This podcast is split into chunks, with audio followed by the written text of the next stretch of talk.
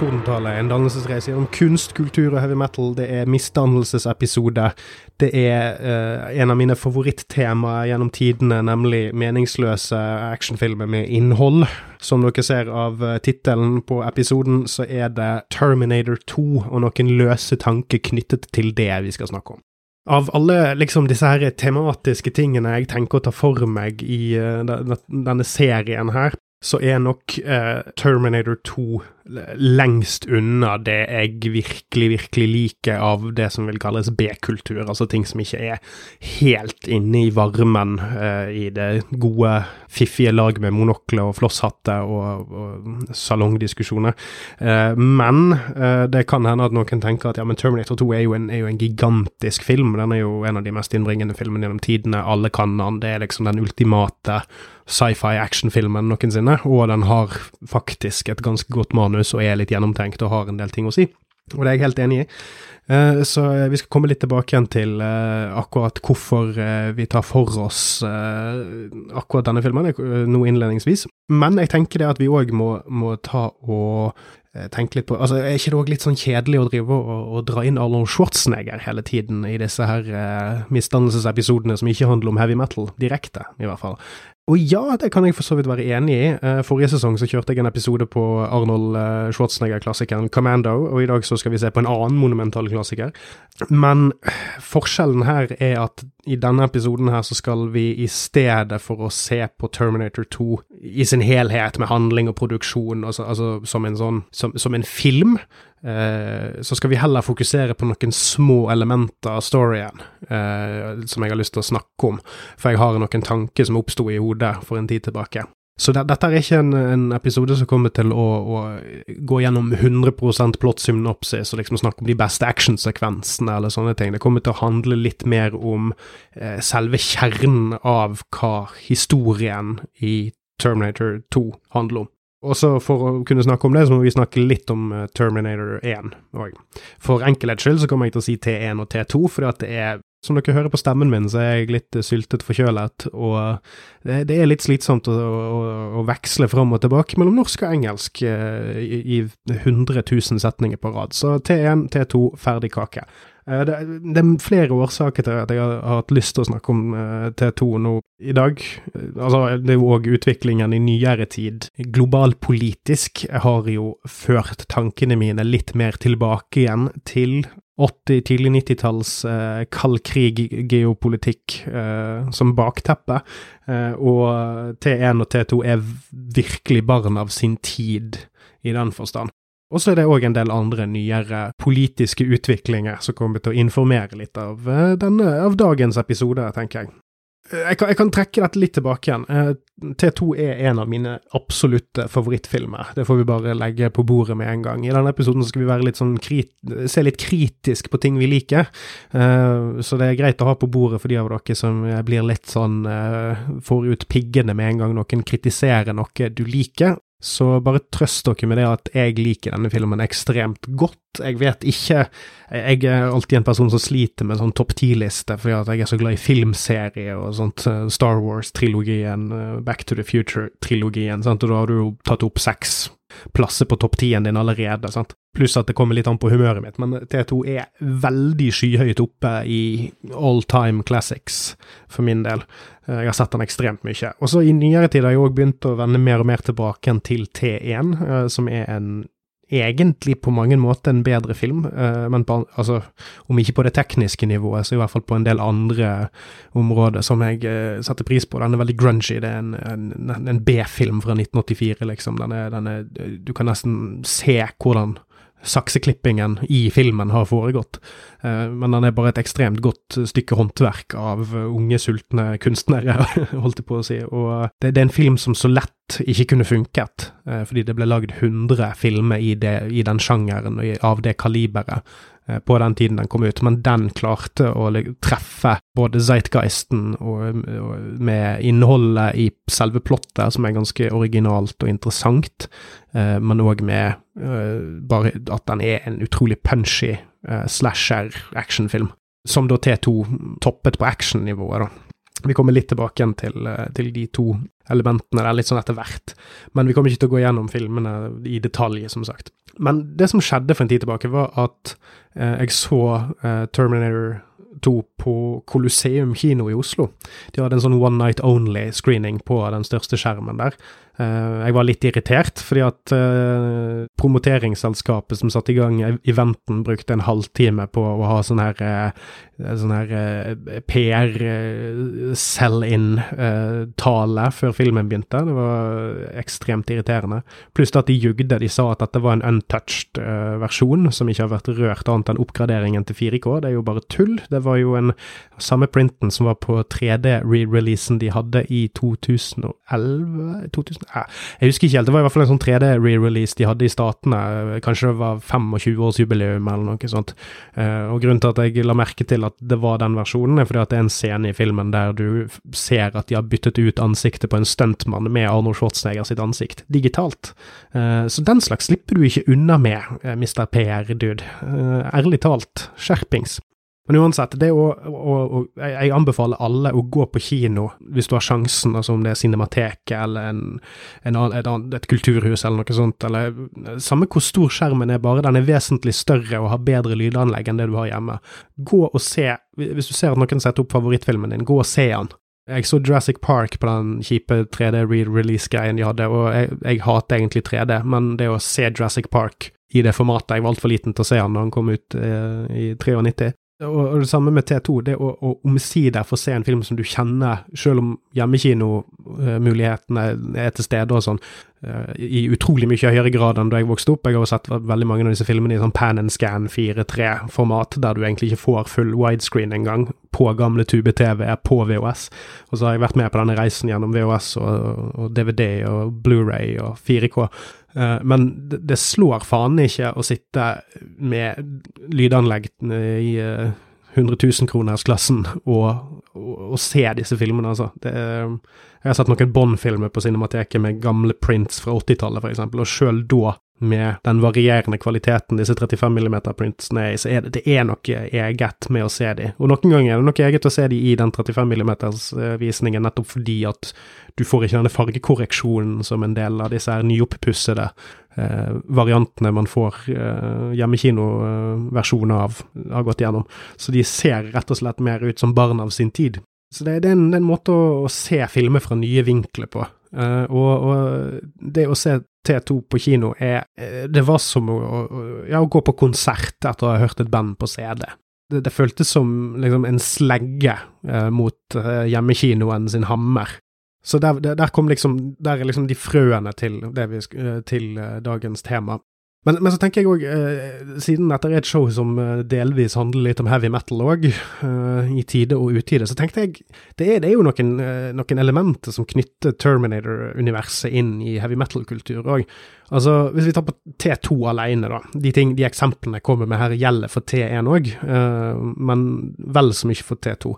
Altså, T2 kom ut i 1991. Det var peaken Eh, til heavy metal i mainstreamen. Kanskje akkurat i skjæringspunktet mellom stadionrockerne, grunge og liksom de litt hardere elementene. Altså både Pantera var på vei opp, Metallica hadde gigaalbumsuksess, uh, Guns N' Roses var gigantiske. Det er liksom akkurat der heavy-publikummet kanskje var på sitt mest forente før fragmenteringen som kom da i løpet av 91 og 92.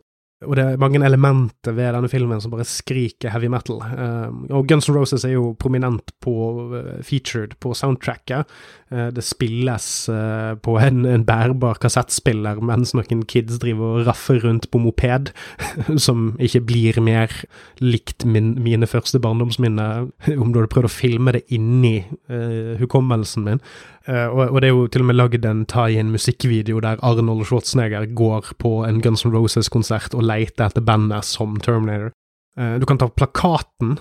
Arnold Schwarzenegger sitter på en motorsykkel i biker-skinnjakke med et gevær med solbriller på, uh, og så er det en sånn, et sånn blåskinn, et sånn, sånn, et sånn metallisk blåskinn over, hele, over bildet, og så er det bare en svart bakgrunn. Det, det, det blir ikke stort mer metal enn det. Det kunne vært et heavy metal-cover og, og, det er så stilreint. Det, det, er liksom sånn Det er det er pur heavy, på en måte. Det er sånn at eh, det som på en måte matcher denne maskinen, er et, et, et riff. Et, et chuggy gitarriff, på en måte. Selv om ikke det egentlig er, bortsett fra denne Guns N' Roses-sangen, sånn, så er jo egentlig soundtrackene til disse to filmene av Brad Fidel er jo elektronika, keyboard, uh, synt-piece, uh, men den metalliske lyden går igjennom det. Så det, det, det er en slags sånn her heavy metal adjacent sound som kan minne eller ikke som minne, men altså som, som på en måte er Om ikke det er heavy metal-kultur i seg sjøl, så er det en del av det liksom innflytelsesrommet som påvirker heavy metal-kultur. Og, og, så har du jo da sjølve Terminatoren, um, som er en et ultimat heavy metal-monster. Altså, det er en slags slasher-skurk som ser ut som døden, altså et metallskjelett med et dødningehode, som minner litt om uh, mannen med ljåen, på, på sett og vis.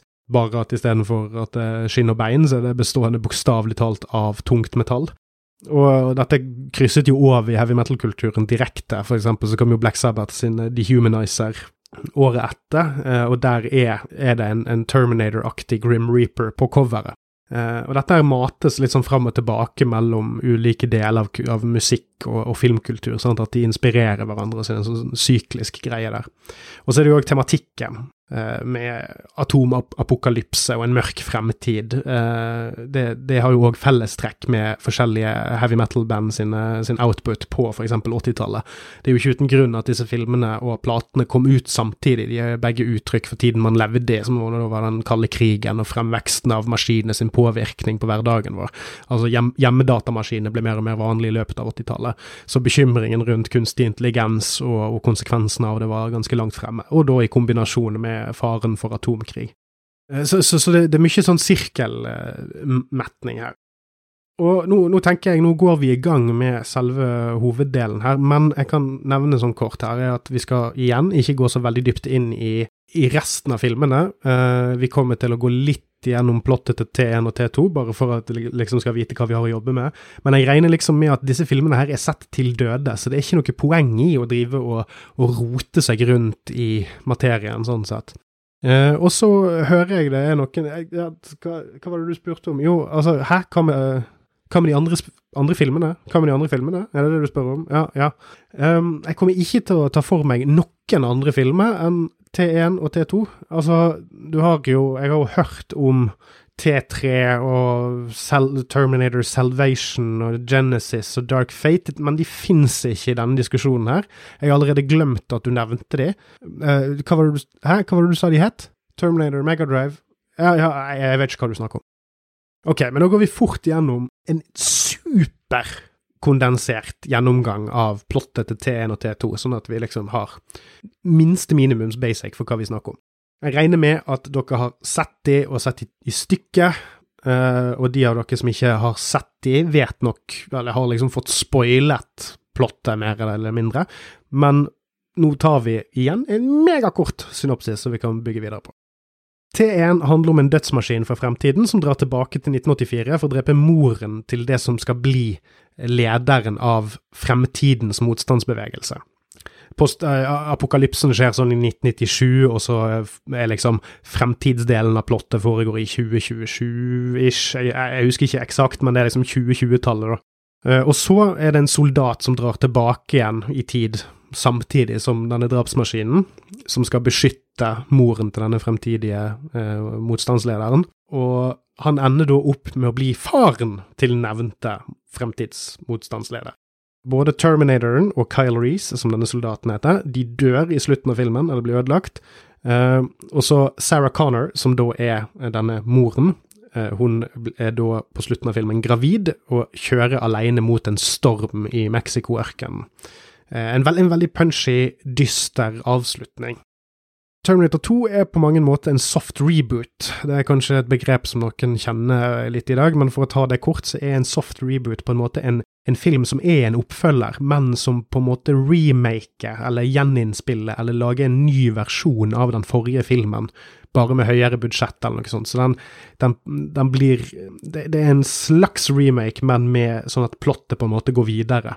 Og Terminator 1 var en lavbudsjetts skitten energibombe av en film som gjorde det mye bedre enn mange skulle trodd. Altså, den, Det var ikke sånn at den var den største filmen i 1984, eller noe sånt, men den tjente vesentlig mer penger på kino enn det man kunne forventet. Og så var det en kultklassiker som bare solgte og solgte og solgte på VHS gjennom 80-tallet. Og så Samtidig ble James Cameron, han som har skrevet og regissert begge filmene, ble òg mer kjent som regissør gjennom um, at han skrev manuset for Rambo 2. Uh, eh, han regisserte og skrev uh, Aliens, oppfølgeren til Alien, som var en uh, vesentlig større film. Ikke en gigantisk film, men vesentlig større enn Terminator, og var òg en kassasuksess. så lagde han en film som het The Abyss, som ikke jeg tror jeg liksom var et sånt gjennombrudd på den måten, men den var en var et kunstnerisk gjennombrudd. Han brukte en del datateknologi og sånt i den filmen som gjorde at han, han, var, han var, på en måte en regissør som kunne begynne å, å, å liksom bruke makten sin litt i Hollywood-systemet, og samtidig så ble Arnold Schwarzenegger en større og større og større actionhelt. Så rundt 1991 så kunne liksom den kombinerte kommersielle kraften til James Cameron og uh, Arnold Schwarzenegger rettferdiggjøre en gigantisk megabudsjettsoppfølger til Terminator 1. Jeg tror Terminator 2 er den første filmen som kostet eller første Hollywood-filmen som kostet rundt 100 millioner dollar å lage, som er helt sinnssykt mye penger i 1991. Suksessen til Terminator 2 bygger jo også videre på karrieren til James Cameron. Han har jo laget to av de mest innbringende filmene noensinne, med Titanic og Avatar senere. Så han, der har du en fyr som har virkelig hatt en, en karrierekurve når det kommer til å, å, å, bygge videre på det han allerede har hatt uh, suksess med. Men som sagt, Terminator 2 er en slags megaversjon av Terminator 1, for plottet er til forveksling likt. Eh, denne gangen så er John Connor født. Han er sånn 10-12-13. Filmen er litt vag på det, fordi Judgment Day, som da er den dagen eh, liksom, jorden går under pga. atomkrig, er 1997. Men John Connor er født i 1984, eh, så enten så er dette veldig tett på 1997, så at det er sånn 1996 eller noe sånt, eller så er dette i 1994 og han er ti år gammel. Altså det og, og han guttungen som spilte, er vel tolv år. Uh, så, så det, det, det, er vanskelig å si akkurat hvor gammel han er, men det er sånn shitkid-tween. Uh, han er i fosterhjem. Uh, Sarah Connor er på mentalsykehus pga. hendelsene i eneren.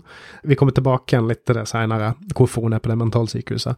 Og, og denne gangen så kommer det òg en maskin fra fremtiden for å drepe han. T1000, som er en hamskifter, altså han kan se ut som hvem som helst han har vært borti. Uh, og så uh, sendes det en annen Terminator-maskin, som da er spilt av Arnold Schwarzenegger, som denne gangen er en snill drapsrobot. Og sammen så må de flykte fra T1000, redde Sarah Connor, uh, og kanskje stoppe dommedag med å ødelegge Cyberdyne, som er selskapet som kommer til å utvikle teknologien som blir om til Skynet som da er fienden i dette universet. Skynet er på en måte den kunstige intelligensen som styrer Terminatorene, og er hovedfienden i Terminator-universet. Og Nå har jeg jo gjort det som mange hater, og jeg har på en måte begravd ledetråden, eller buried the lead.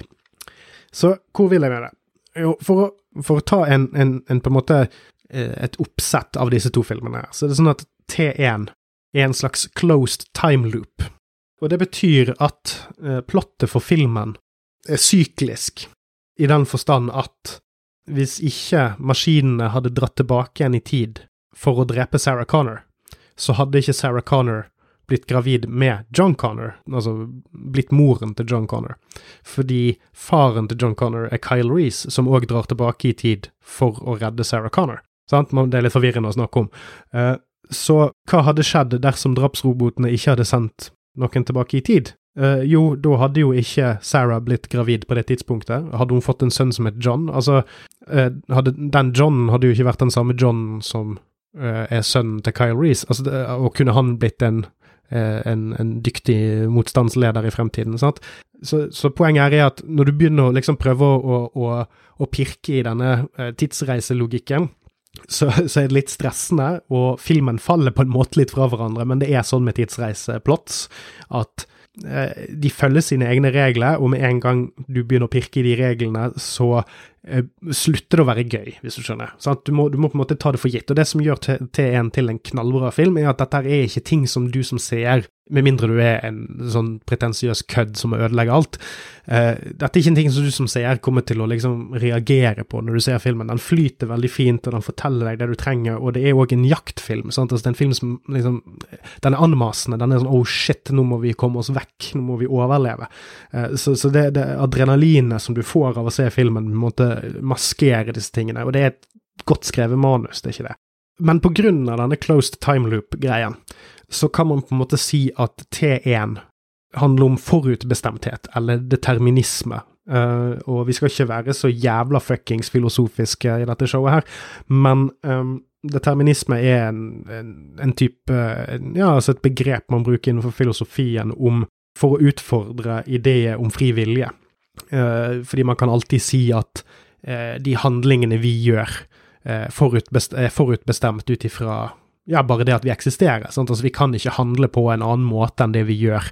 Eh, fordi at vi er, vi er, biologiske maskiner, vi har blitt sosialisert til å lære oss visse ting. Så når jeg setter meg ned og har lyst til å drikke en øl, så avgjør den avgjørelsen jeg tar, er falsk. Jeg kan sitte og vurdere å ja, men jeg har ikke lyst til å bli bakfull i morgen, sånn, så å ja, kanskje jeg får lyst på flere øl, eller eh, hvis jeg er alkoholiker, eller hvis jeg prøver å slanke meg, så kan jeg ha altfor mange kalorier, jeg kan ikke drikke øl nå, kanskje jeg skal bare ta meg et glass vann. sånn, Altså, sånne ting. Så vil den avgjørelsen jeg tar, være basert på mine biologiske tilbøyeligheter og hva jeg har lært, blitt opplært til å gjøre. Så hvis jeg velger å drikke den ølen, så det, kan det være forutbestemt ut ifra hvordan hjernen min er satt sammen av tidligere erfaringer og mitt fysiske behov. Så, en, så determinisme handler òg litt om, om, Det er ikke noe du kan bevise eller motbevise, men det er noe som uh, forteller noe om den som, den som tror på det, kan, kan, ha et mer eller mindre pessimistisk uh, syn på livet. Det er ikke nødvendigvis sånn. det er mange, altså, det er, Dette blir òg litt sånn, sånn, sånn tidsreisediskusjon. at Med en gang du begynner å liksom pirke i det, så blir du nødt til å forklare mer og mer og mer, og så bare ramler du ut, og så kommer du ikke til poenget. Men det er kort fortalt, altså kort oppsummert, dårlig fortalt, uh, dårlig oppsummert, hva determinisme er. Og T1 er deterministisk. Altså alt som skjer i filmen, må skje.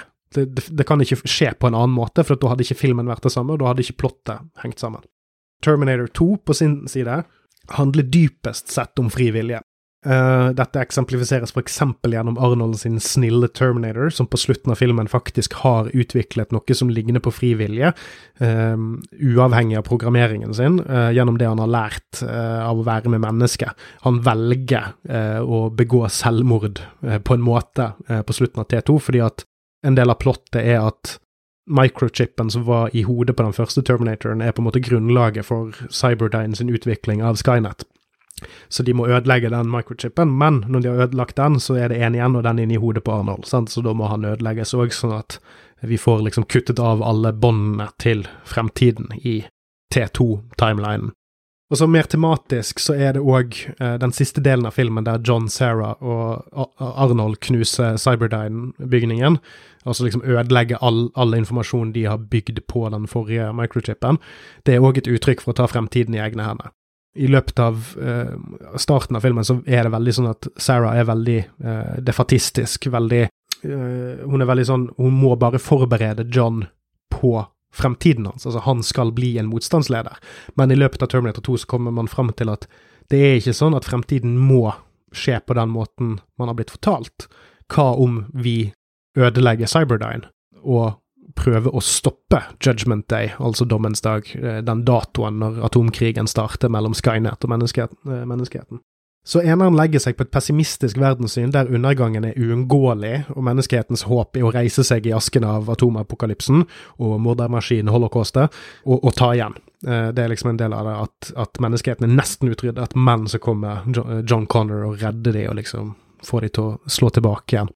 Så selv om John Connor lykkes i fremtiden, så er det så vidt det kan sies å være verdt det. Altså, hva er, hva er en postapokalypse verdt for de overlevende? Her er det, altså, det er tilbake igjen til start. De har riktignok laserrifle, men uh, bortsett fra det så er det fremtidsvisjonene man får se ganske depressive. Mens Terminator 2 på sin side, og dette er jo grunnen til at vi driter i Terminator 3, Rise of the Boobs uh, osv., Terminator 2 legger listen mye høyere og på et mer positivt nivå. Filmen slutter veldig ambivalent, eh, om vi ser vekk fra en eh, bortklippet slutt som ikke ble med i filmen, og hvis den eh, slutten hadde blitt inkludert, så hadde det ikke blitt lagd flere Terminator-filmer, mest sannsynlig, eh, forhåpentligvis. Eh, den er mye mer konkluderende, men, men, slutten på Terminator 2 er liksom at du bare får se at de, de kjører på en mørk vei, og så vet de ikke hva fremtiden bringer. T1 lar helten sin, Sarah, kjøre mot en bombesikker mørk fremtid, og så slutter T2 med en åpen, lettere optimistisk tone for hvordan dette kan gå. Og her begynner vi å nærme oss eh, sakens kjerne. Altså, i, i, T2 så har Sarah Connor blitt totalt transformert fra rollen sin i T1.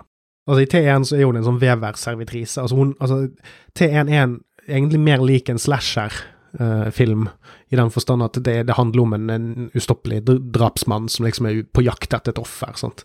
Uh, har, har, mange fellestrekk med Fredag den 13. og, og Nightmare on Elm Street og Halloween og sånt, men den, den trekker det i en mye mer hardere sci-fi-retning. Men hun går da fra å være en veverservitrise til å bli megatraumatisert av det hun gjennomgår. Altså hun, hun, hun, hun, lever jo i dødsfrykt i flere dager og blir nesten drept av en drapsrobot og ser eh, en person hun har blitt veldig glad i, og som da blir faren til hennes fremtidige barn, bli drept av nevnte eh, mordermaskin, eller i hvert fall bli drept i kampen om å ødelegge denne mordermaskinen. Eh, og i mellomtiden, mellom T1 og T2, så har hun blitt om til en doomsday prepper av episke dimensjoner. Hun er topptrent, våpenekspert og clean koko. Nå kommer vi litt tilbake igjen til hvorfor uh, hun er på mentalsykehus. Fordi i starten av T2 så er John Connor i fosterhjem. Fordi Sarah har prøvd å sprenge en datafabrikk. Uh, og vi får se flere opptak av henne på mentalsykehuset der hun ranter om dommedag, og den kommer snart, og alle, alle rundt henne er døde, de bare vet det ikke ennå.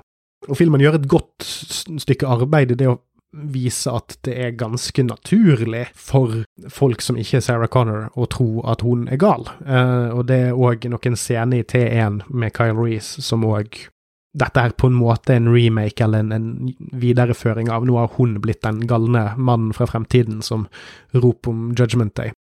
Men la oss, la oss putte pinn inn det der med det mislykkede bombeattentatet mot den eh, datafabrikken. La oss bare tenke at den dukker opp igjen senere. Men altså, saken her er at filmen bekrefter overfor oss som seere at dette er sant. Altså, vi som har sett T1, vet jo at det er sant. Altså, i filmens univers så er ikke eh, Sarah gal. Hun er den eneste som er 100% virkelighetsorientert på hele galehuset. Altså, alle de andre figurene går rundt, og som hun da sjøl påpeker, og som jeg sa i sted, og forstår ikke at de allerede er døde, og de er bare en De er en jævla fartsdump uh, i veien for henne uh, mellom hun og dommedag. Uh, dersom ingen stopper Judgment Day, så er vi alle fucked. Uh, men vi kan alle se for oss å være i skoene til de legene og sykepleierne, som sagt. Altså, her har vi en våpengal gærning som har prøvd å begå det som er en meningsløs terroraksjon for å stoppe mordermaskiner for fremtiden. Og sånn sett så er ikke Sarah spesielt taktisk. Første regel for å bekjempe drapsmaskiner fra fremtiden ingen andre har sett, er å ikke snakke om drapsmaskiner fra fremtiden som ingen andre har sett. Det er en pet peeve for min del. Altså, det, folk i film, i filmer har en tendens til å Og det er fordi at det sikkert er morsomt, eller du kan skape litt sånn billig drama av det og sånn, men folk i filmen som har opplevd utrolige ting, har en tendens til å snakke til andre mennesker og prøve å få dem til å tro på dem sjøl når det de sier er komplett galskap, og de burde skjønne at ja, men innenfor veldig kort tid siden så var dette komplette galskap for meg òg, og, og, det er alltid litt sånn irriterende å se folk på film ikke liksom innse dette, det er en ganske enkel lærdom som de fleste av oss har plukket opp i barnehagen. Ikke, ikke si at du har sett en nisse, det var mest sannsynlig ikke en nisse, og hvis du tror at det var en nisse, så kommer folk til å tro at du er klin gal. Men eh, for å korrigere meg litt, så kan du gjøre en ganske god karriere med å mm, ha, få kontrakt med TV Norge og lage 18 sesonger om eh, å jage nisse på loftet til godtroende mennesker. Så hva vet vel jeg. Uansett, eh, John og Arnold redder henne fra mentalsykehuset fordi at de kommer frem til at det er en sjanse for at T-1000 kommer til å finne henne og drepe henne og ta formen hennes, og så bruke utseendet hennes til å komme tett på John, og så kverke han. Og så, etter at de da har flyktet fra dette mentalsykehuset, så stikker de til en ørken i Sør-California slash Mexico, litt uklart, og så camper de hos noen andre Doomsday-preppere som Sarah har blitt kjent med i den tiden, der hun futtet rundt og ville lære seg alle tingene som hun trenger å lære John for at han skal bli en stor leder i fremtiden. Sant? Altså hun trenger å lære seg om våpen, overlevelsestaktikker og, og ja, alt mulig rart. Og en del av dette knytter seg jo òg inn i sånn farsbildegreier. Altså, John har egentlig aldri hatt en farsfigur som er positiv, hun har Sarah har bare oppsøkt forferdelige miljøer for å lære seg én ting, nemlig å drepe. Eh, og så, men så viser det seg plutselig at den første positive mannlige rollemodellen som John noensinne har hatt i livet sitt, blir plutselig Arnold, drapsmaskinen, som ikke får lov av John å drepe, fordi at det er John i fremtiden som har programmert han, derfor er John nødt til, eller derfor er Arnold nødt til å adlyde John sine kommandoer. Derfor dreper ikke Terminatoren noen i Terminator 2, sjøl ikke før han treffer John, pussig nok. Eh, men, men, det som er litt så interessant her, og det er jeg bygger en liten case underveis her, men bare sånn for at jeg har nevnt under, underveis òg, så er det sånn at det er veldig mange gode tematiske ting som ligger under i denne filmen her, som jeg ikke kommer til å gå så veldig mye i dybden på, nettopp fordi at jeg har et annet poeng jeg vil komme til. Eh, men jeg har lyst til å gi cred where cred is due. Altså, det er mange interessante ting om oppdragelse og om arv og miljø uh, som ligger bare som sånn bakgrunnsstråling i både dette manuset og selve filmen, som ikke filmen nødvendigvis undersøker så mye, men som bare skaper veldig sånn tredimensjonalitet i figurene, som er bra. Uh, så når jeg nå kommer litt nærmere et litt mer kritisk punkt for denne episoden, så bare ha det i bakhodet at dette er en av favorittfilmene mine, og den er jævlig bra. Men uansett, Sarah bestemmer seg for å stoppe Skynet. Altså, hun lærer via Arnold at mannen som utvikler mikrochipen som blir til Skynet, heter Miles Dyson, eh, og han bor i Los Angeles. Hun stikker da av med en sniperrifle tilbake til LA for å drepe han og dermed stoppe krigen, håper hun. Dette lykkes hun heldigvis ikke med, og John, Arnold og Sarah overtaler Miles til å hjelpe dem med å sprenge hele Cyberdyne, sånn at ingen andre kan følge opp arbeidet hans. Miles ender opp med å bli skutt av et SWAT-team, men det er en mindre detalj, eh, sånn filmen ser det. Han får en heroisk død og sånn, men, eh, men yeah. Og nå vil jeg spole noen minutter tilbake og dvele på den scenen der Sarah prøver å drepe Miles. Og her er cruxen på denne episoden, og den tanken som oppsto i hjernen min når jeg satt på Colosseum og så filmen. Så igjen, jeg elsker denne filmen. Jeg anser den som en av verdens beste actionfilmer. Eh, om ikke tidenes beste actionfilm. Eh, den har sine svakheter, men i det store og det hele så er den nærmest perfekt, i motsetning til det klassekompisen min Roy sa på ungdomsskolen. Han mente at Bad Boys 2 var verdens beste actionfilm. Eh, Roy jobber nå på bensinstasjonen. Um, når det er sagt, så vil jeg nå rette dere mot det jeg vil si er en ganske underkommunisert del av hvordan T2 opererer som film. Altså hvordan den forteller oss hva som er rett og galt, og hvilke valg som er gode og dårlige. Og ja, filmen har jo vist at Sarah er ganske ko-ko, men det er ko-ko med rette, som sagt. Altså, vi vet hvorfor hun er sånn, eh, og ting som virker galskap for oss andre, er 100% logisk for hun, og i, i filmens logikk så har hun rett. Man er nødt til å ta harde valg for å få de resultatene man vil ha. Så her har vi Sarah Connor. Hun er hvit. Hun er riktignok dame. Yes, queen. Girl boss. Altså, hun er girl power, på en måte. Men altså, her har vi en hvit person, iført militærutstyr, bevæpnet med en helautomatisk sniperrifle, som prøver å henrette en svart mann i hjemmet hans mens konen og ungen ser på. Den eneste grunnen til at Miles Dyson lever lenge nok til å hjelpe Sarah og John og Arnold med å, ødelegge Cyberdyne, er at han blir påkjørt i foten av guttungen sin radiostyrte bil og dukker ned for å plukke den opp, akkurat idet Sarah prøver å skyte han i hodet. Hun treffer dataskjermen han jobber på, og hadde definitivt, sånn som filmen viser oss forløpet, drept han momentant dersom det ikke var for totale tilfeldigheter. Og, det som slår meg her, er at hvis du, hvis du fjerner bakhistorien her, sant, og så ser dette her fra Miles Dyson sitt perspektiv Her kommer det en crazy ass vilt fremmed og skyter på han og prøver å drepe han. Og hvem er det Sarah egentlig minner om, kort og godt? Altså, hvis vi, hvis vi fjerner noen komplett ifra Terminator som en franchise og det vi vet, men bare hvordan er det hun fremstår for andre mennesker? Det er at hun er kort og godt en konspirasjonsteoretiker som er bevæpnet til tennene, og som er villig til å drepe minoriteter for å bevare status quo. Og hva slags andre steder kjenner vi sånne fra? I vår moderne kontekst? Er det noen ting i nyere tid i mediebildet som kanskje dette klinger litt kjent som? Og, og bare for å trekke oss litt tilbake igjen her, til Sarah sitt forsvar, så klarer hun ikke å gjøre det når hun står ansikt til ansikt med Miles foran konen og ungen. For hun, hun prøver å Etter at hun har skutt dette ene skuddet, så åpner hun rapid fire på hele huset, og du ser at Miles prøver å redde kone og barn og få de til å løpe og gjemme seg. Og så tar hun seg inn i huset og skal skyte han med en Desert Eagle i trynet.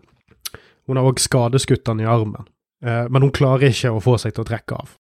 Ansikt til ansikt. Men på 20 meters hold så hadde hun ingen problem med å gjøre det. Og da knekker hun sammen.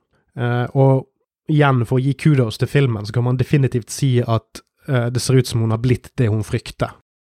Altså en kald drapsmaskin. Og det er noe filmen legger opp til, at om ikke den sier det rett ut, så er det det du på en måte ser, at når hun knekker sammen, så er det sånn at herregud, hva er det jeg har gjort? Og det er vel og bra. Men det at Dyson ikke er død på dette tidspunktet, skyldes rene og skjære tilfeldigheter, ikke fordi at hun har lært en lekse om menneskeverd. Og igjen, jeg aksepterer at dette er fiksjon, vi skal ikke holde figur i et filmmanus til en total standard av moral, eller noe sånt, men hele poenget med denne episoden her er å problematisere visse deler av en film jeg forguder, og kanskje få fram et litt bredere poeng om hvordan vi som mennesker ser på oss sjøl og våre mer eller mindre innbilte fiender. Fordi, for å gå litt tilbake igjen til fri vilje, og dette med determinisme og frivillige. altså du har determinisme i T1, og så har du frivillige i T2. Sarah Connor sin drapslyst er rettferdiggjort. I filmens øyne så er hun vel så rettferdiggjort når hun prøver å gjøre dette, som når de seinere eh, knuser Cyberdyne-kontorene. Som for alle utenforstående fremstår som en sinnssyk terrorhandling à la Ted Kaczynski og sånn.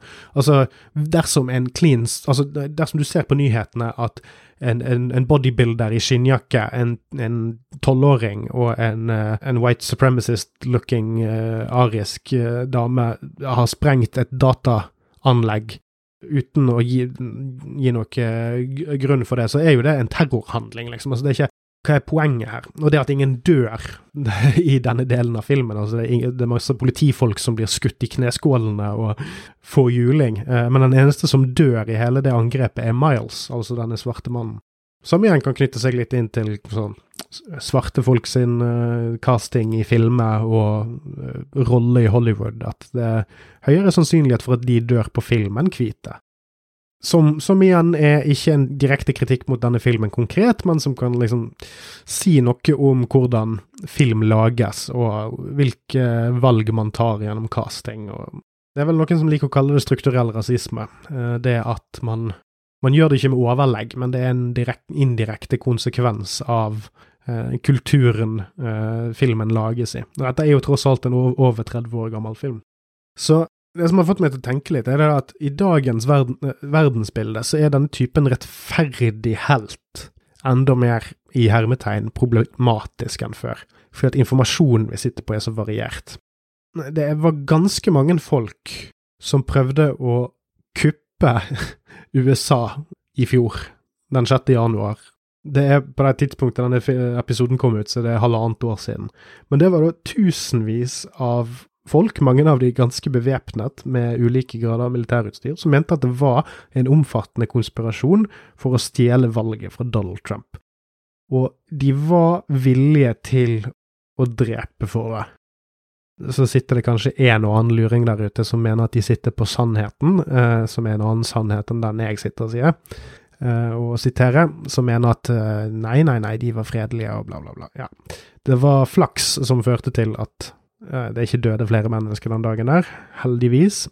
Men, eh, men, eh, uansett om du er enig med den påstanden jeg har eller ikke, så kan jeg si det at jeg ville ikke tatt meg inn i Kongressen i USA eller på Stortinget i Norge bevæpnet for å gjøre noe som helst, med mindre jeg var overbevist om at noe var rivruskende galt.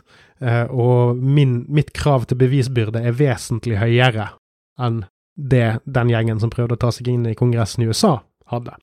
Og så kan vi jo da tenke, hva har dette med Terminator 2 å gjøre?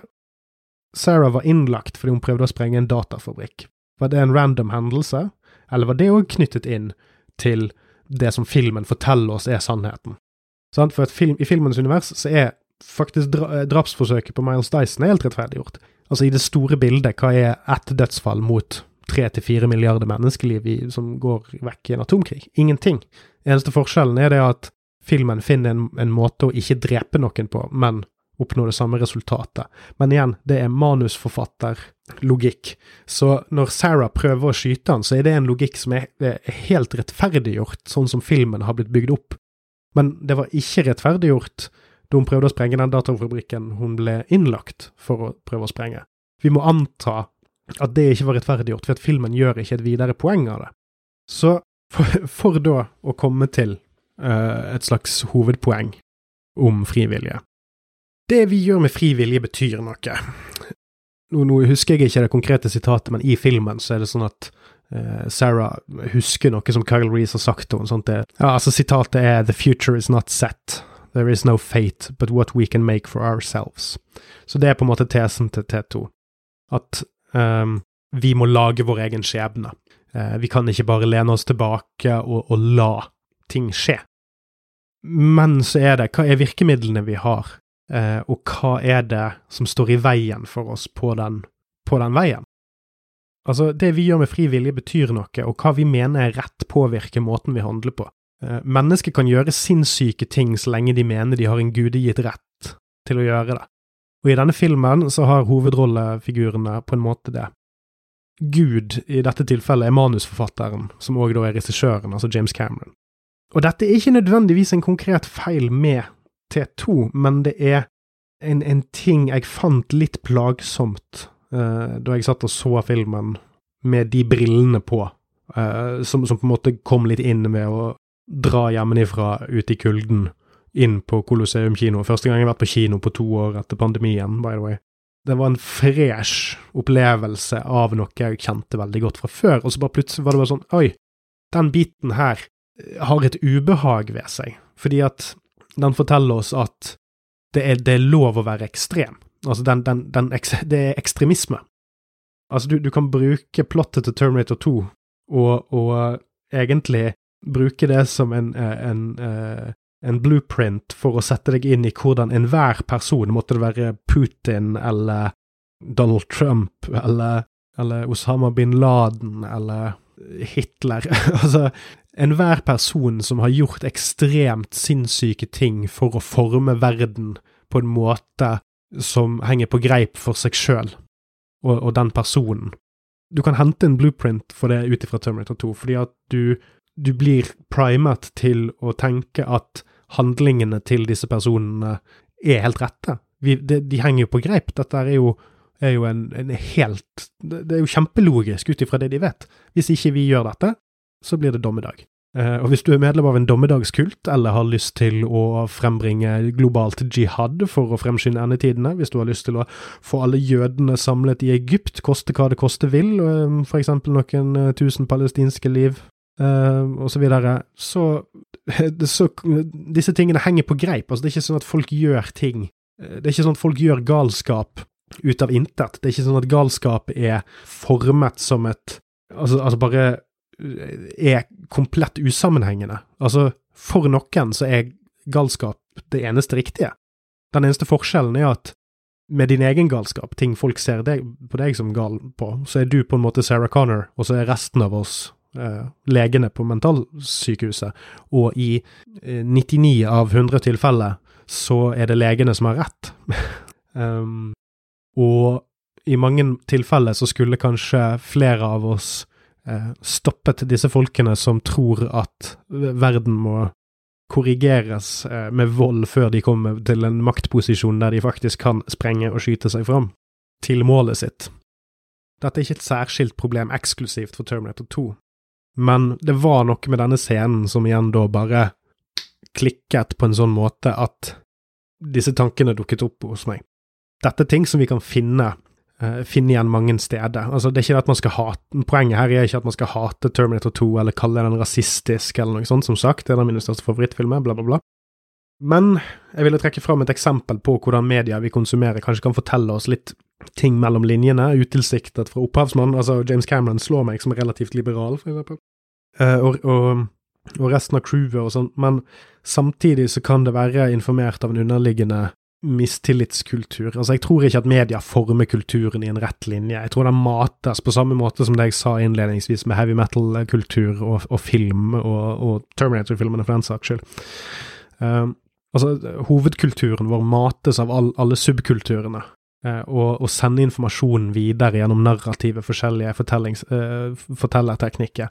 Uh, og denne jeg mot verden-fortellingen er veldig gripende, og jeg har veldig sansen for den. veldig mange av de tingene jeg elsker høyest av, av, på en måte bøker og tegneserier og filmer, for den saks skyld, handler om en sånn liten gruppe med folk som prøver å redde universet på et eller annet slags vis, om det er gjennom vold eller smarte businessgrep, eller Dette er en veldig kjerne i all underholdning som vi konsumerer. Uh, ikke all, men altså veldig mye av det.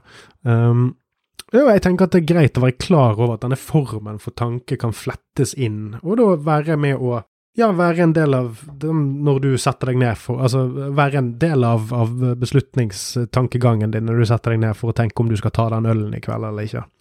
Altså, er, det, er, du, er du formet av Altså, tar du 100% frie valg, eller tar du er du, bare, er du bare summen av alt som har skjedd siden universets uh, oppstandelse? Uh, men jeg hadde fremdeles et behov for å sette fingeren på noe her som klødde veldig i bakhodet. Og så får jeg si tusen takk for at dere hørte på.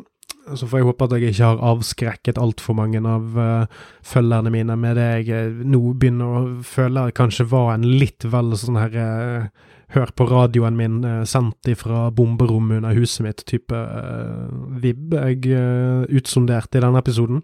Og så får vi si takk for denne gangen her, og så snakkes vi neste gang. Jeg vet fremdeles ikke helt hva temaet blir, men det blir sannsynligvis mindre preachy enn denne, og så håper jeg at reisen har fi vært fin. Husk at det finnes ingen skjebne annet enn den vi lager for oss sjøl, og så ses vi i postapokalypsen.